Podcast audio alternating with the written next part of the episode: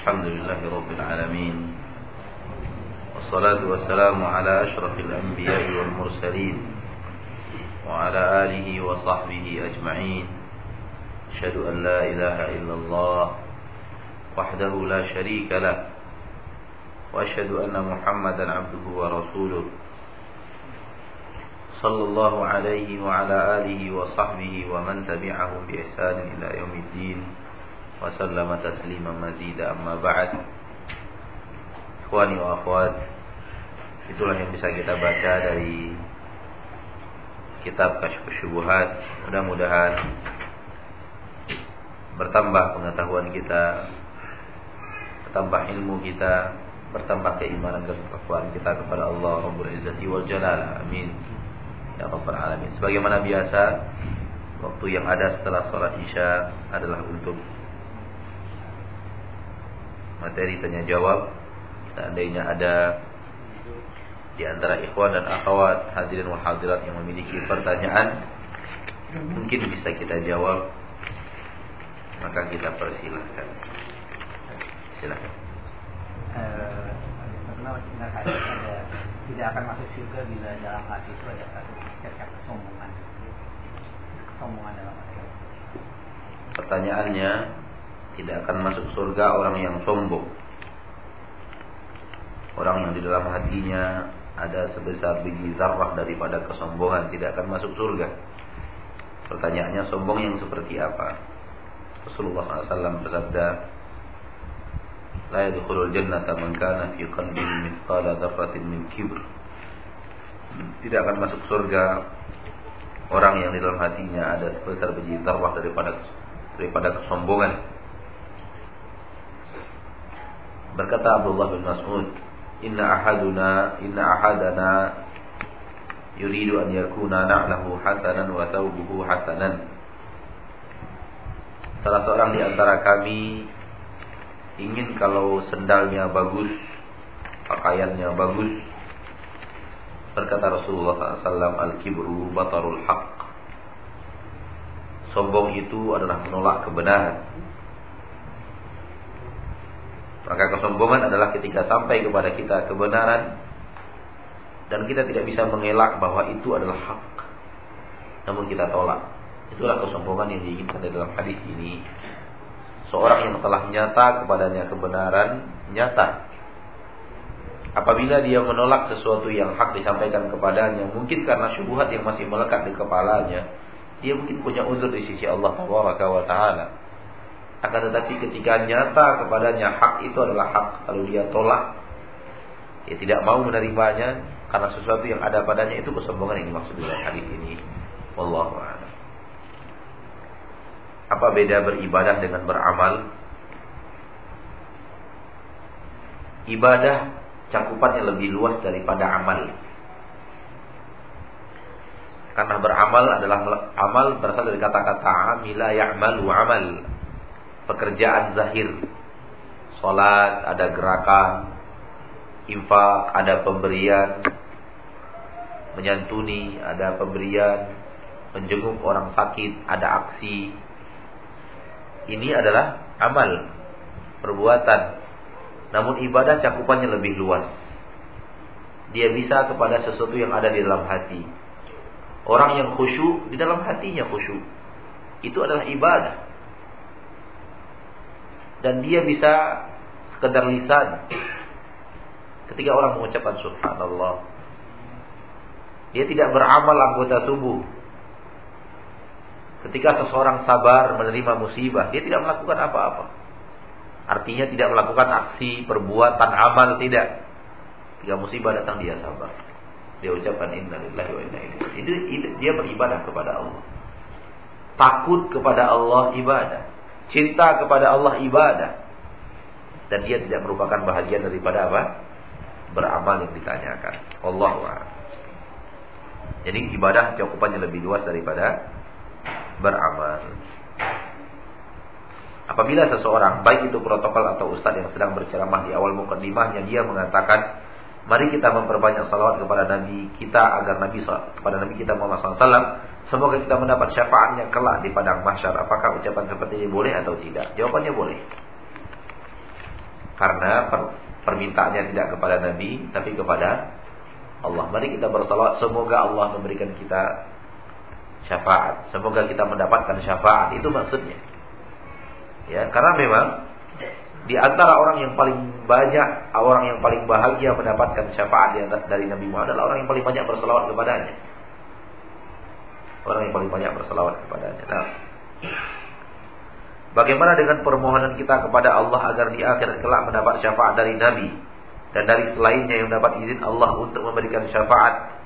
Bukankah ini tidak ada masalah beda dengan syubhat orang-orang yang Ustaz sampaikan tadi? Jawabannya ya, beda. Ya, apabila kita mohon kepada Allah agar di akhirat kelak mendapatkan syafaat dari Nabi, itu yang sahih, ini yang benar. Apa yang ditanyakan ini? Ya, kita minta kepada Allah wa taala agar Allah Subhanahu wa taala memberikan kita syafaat dari nabinya. Syafaat dari orang-orang yang memberikan syafaat. Jadi mintanya kepada Allah tidak kepada nabi. Karena nabi tidak akan bisa memberikan kalau Allah tidak izinkan. Dan Nabi tidak tidak bisa memberikan kalau Allah izinkan dia memberikan syafaat tapi bukan kepada kita. Kepada orang lain. Makanya mintanya kepada Allah. Kalau Allah izinkan Allah ingin memberikan kita syafaat, Allah akan berikan itu melalui nabinya atau melalui orang soleh yang lainnya. Atau melalui anak kita. Seorang anak akan memberikan syafaat, pertolongan kepada ayahnya di akhirat. Kepada ibunya. Ya. Ada pertolongan dari orang-orang saleh, dari teman kita yang saleh. Yang Allah izinkan dia memberikan syafaat dan bantuan di akhirat. Ya, minta kepada Allah. Ini benar, bukankah ini tidak masalah? Ya, tidak masalah. Itu benar. Beda dengan syubhat yang Ustaz sampaikan tadi, ya beda. Beda. Kalau syubhat tadi orang mintanya di dunia. Apakah sikap bulu lebih berbahaya daripada sifat tafrid? Ya. Sifat bulu Apakah sifat gulu berba lebih berbahaya daripada sifat tafrid? Jawabannya ya. Karena gulu berangkat dari orang-orang yang mengerti agama tapi berlebihan.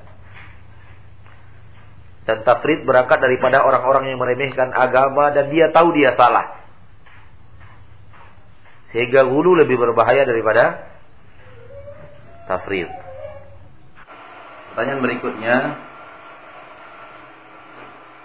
sahkah sholat seseorang kalau ketika dia sedang sholat dia menangis karena ingat dosa-dosa yang pernah dia lakukan atau tersentuh karena ayat yang dibaca oleh imam yang sedang sholat mohon jawabannya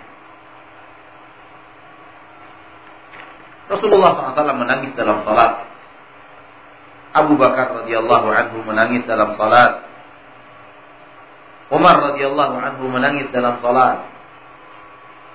Para ulama, para orang-orang saleh sampai saat ini menangis dalam salat. Tidak ada satupun yang berani mengatakan bahwa menangis dalam salat membatalkan salat. Ya. Ketika Rasulullah SAW menyuruh Aisyah menyampaikan kepada para sahabat perintahkan Abu Bakar untuk sholat kepada manusia Aisyah berkata, wahai Rasulullah, Abu Bakar orangnya penangis. Abu Bakar orangnya penangis. Rajulun baka. Orang yang paling mudah menangis, wahai Rasul. Kalau dia sholat nanti menjadi imam kaum muslimin, orang bisa tidak dengar suaranya. Karena dia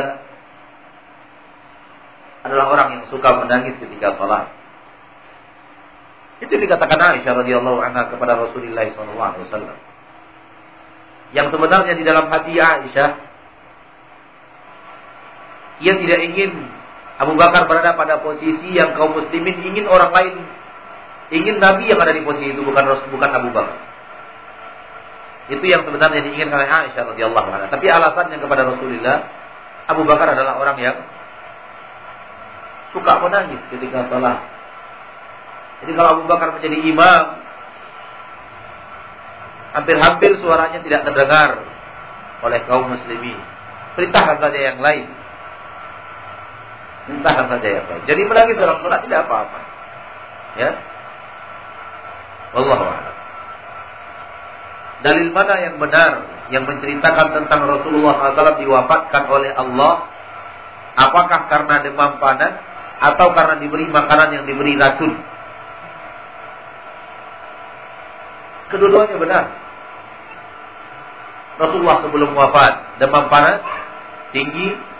Rasulullah sedang wafat ketika hendak wafat dikatakan bekas-bekas racun yang beliau makan dulu di Khaybar masih memberikan efek. Jadi kedua-duanya benar. Allah Apa hukumnya laki-laki yang memakai cincin batu? Apakah dibolehkan atau diharamkan? Sejauh yang kita tahu tidak ada larangan. Kalau tidak memiliki keyakinan apa pun. Hanya sekedar untuk hobi bercincin, suka bercincin. Atau pengikatnya bukan emas.